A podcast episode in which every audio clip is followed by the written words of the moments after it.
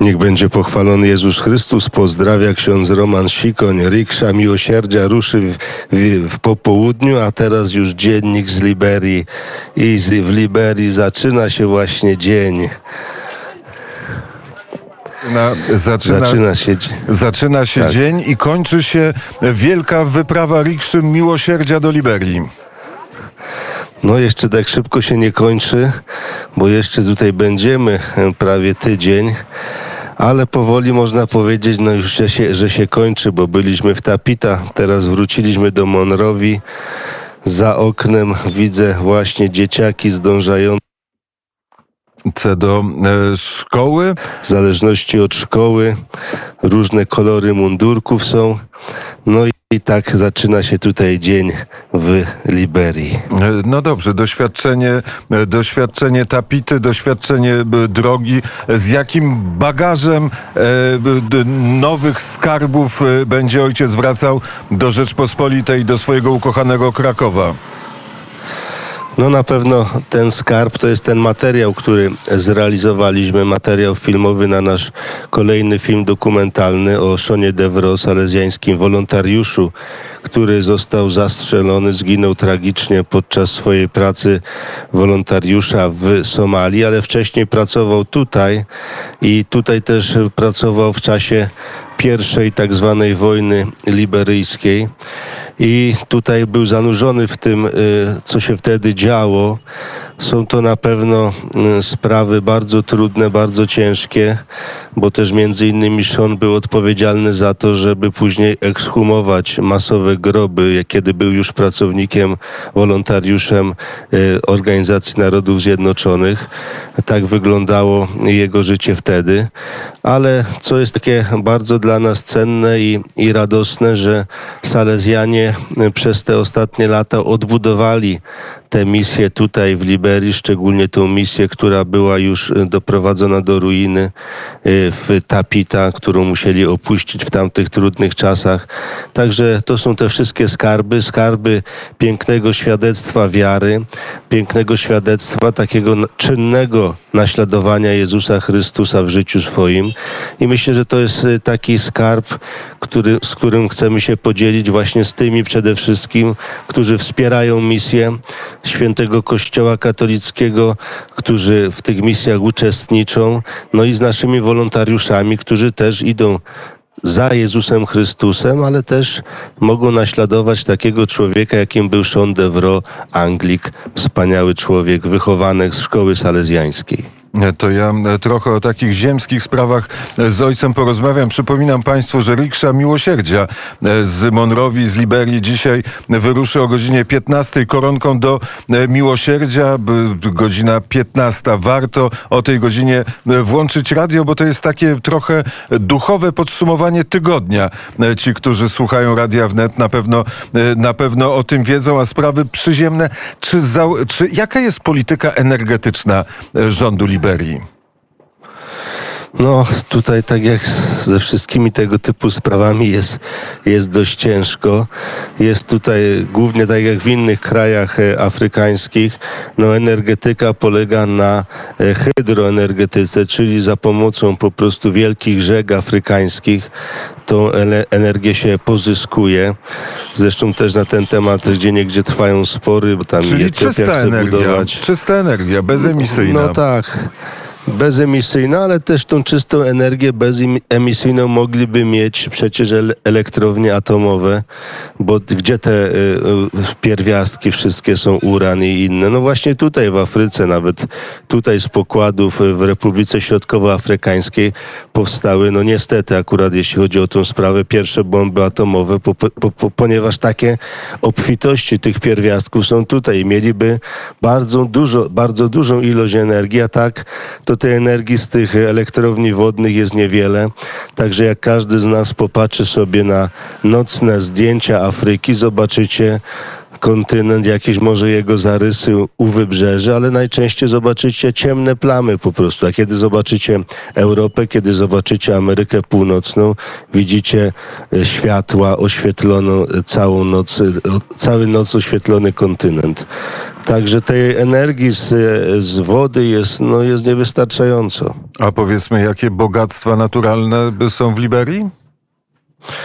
No, największym tym bogactwem naturalnym w Liberii na pewno jest y, kauczuk, czyli tutaj guma, rubber, bo to są rubber, czyli dla nas to są drzewa kauczukowe, a tutaj, y, y, tutaj jest właśnie to tym skarbem, chociaż jest wiele też zarzutów do głównej firmy, która się tym zajmuje, to jest firma amerykańska Firestone, zresztą, zresztą ona tutaj weszła i wybudowała potężną plantację w 1920 1926 roku, dlatego że szukali, chcieli się wyzwolić Amerykanie e, z uzależnienia, jakie, jakie mieli w tej sprawie od Brytyjczyków i Holendrów, bo to oni kontrolowali całkowity handel kauczukiem w tamtych czasach, więc Amerykanie, firma Firestone wybudowała tutaj i do dnia dzisiejszego jest to największa na świecie e, plantacja e, kauczuku.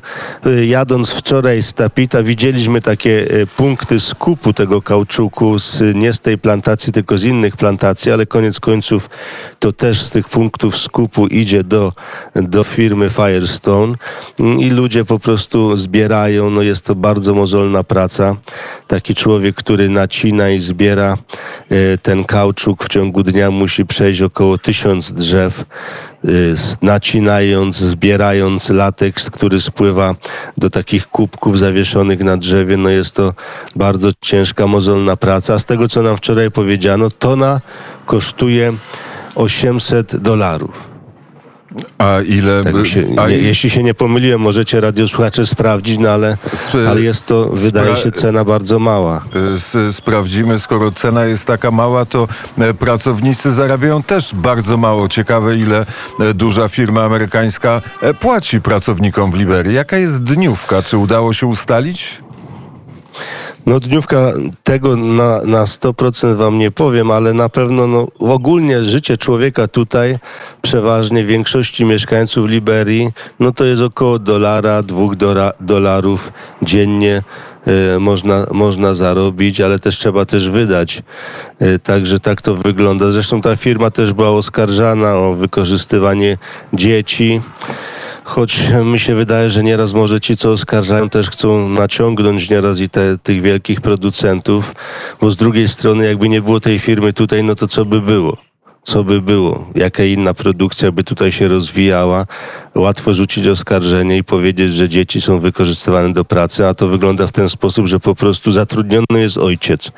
Ale ponieważ ojciec e, e, chce jak najwięcej po prostu w ciągu dnia e, wypracować, no to cała rodzina pracuje przy tym zbiorze kauczuku, no tak to wygląda. A praca dzieci, no tak jak i tutaj za oknem możemy zobaczyć, no to jest niestety nadal tutaj rzeczywistość dnia codziennego, bo widzimy bardzo często dzieci tak jak i tutaj na ulicy, które sprzedają różnego rodzaju towary, czy to jakieś słodycze, czy jakieś orzeszki, czy jakieś e, chipsy zrobione, usmażone z bananów. No takie, takie są realia tutaj życia. A e, co e, uda się przywieźć do Polski? Jaką pamiątkę? No, powiem szczerze, o tym Motor, jeszcze żeśmy nie myśleli. Motorower, motor motorowe, tak, tutaj jeżdżą. To jest podstawowa, podstawowa pamiątka i podstawowy element krajobrazu. Masa właśnie takich motorków małych. No jest to najlepszy tutaj środek transportu, bo też łatwo się nim wszędzie dostać z powodu tego, że no nie ma często dróg albo drogi są w bardzo złym stanie.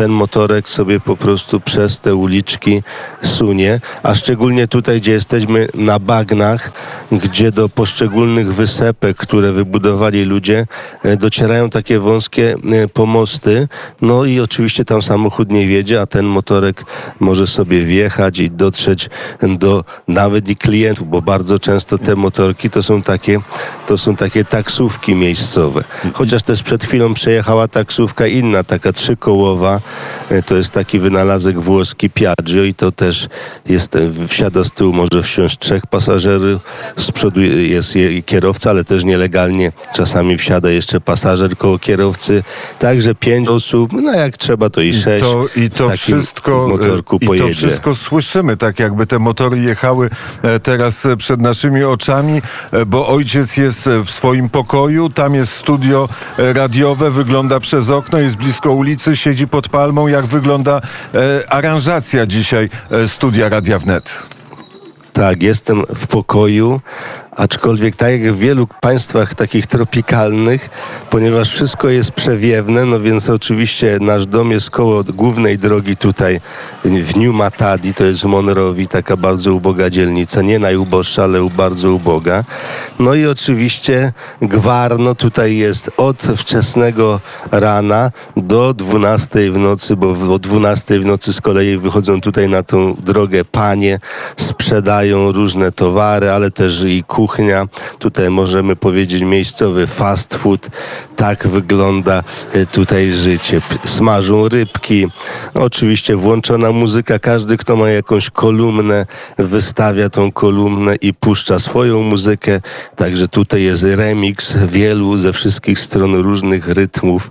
Możemy się tym cieszyć, albo niestety czasami jak chcemy spać, no to możemy już się tym tak bardzo nie cieszyć. Ciąg dalszy w Rikszy Miłosierdzia, która wyruszy o godzinie 15 z Monrowi e, do Krakowa, do Białego Stoku, do Warszawy, do Wrocławia i na cały świat e, za pomocą strony internetowej wnet.fm. Bardzo serdecznie dziękuję za dziennik z Liberii. Dziękuję, pozdrawiam, Do- szczęść Boże. Do usłyszenia, dobrego e, dnia. Kończymy poranek wnet. Krzysztof Skowroński. Życzę Państwu miłego dnia, ale też dnia, w którym będziemy trochę pamiętać starzy d- słuchacze, wierni słuchacze Radia Wnet będą pamiętać o Wojciechu Piotrze Kwiatku. Rok temu, 5 lutego, odszedł z tego e, świata.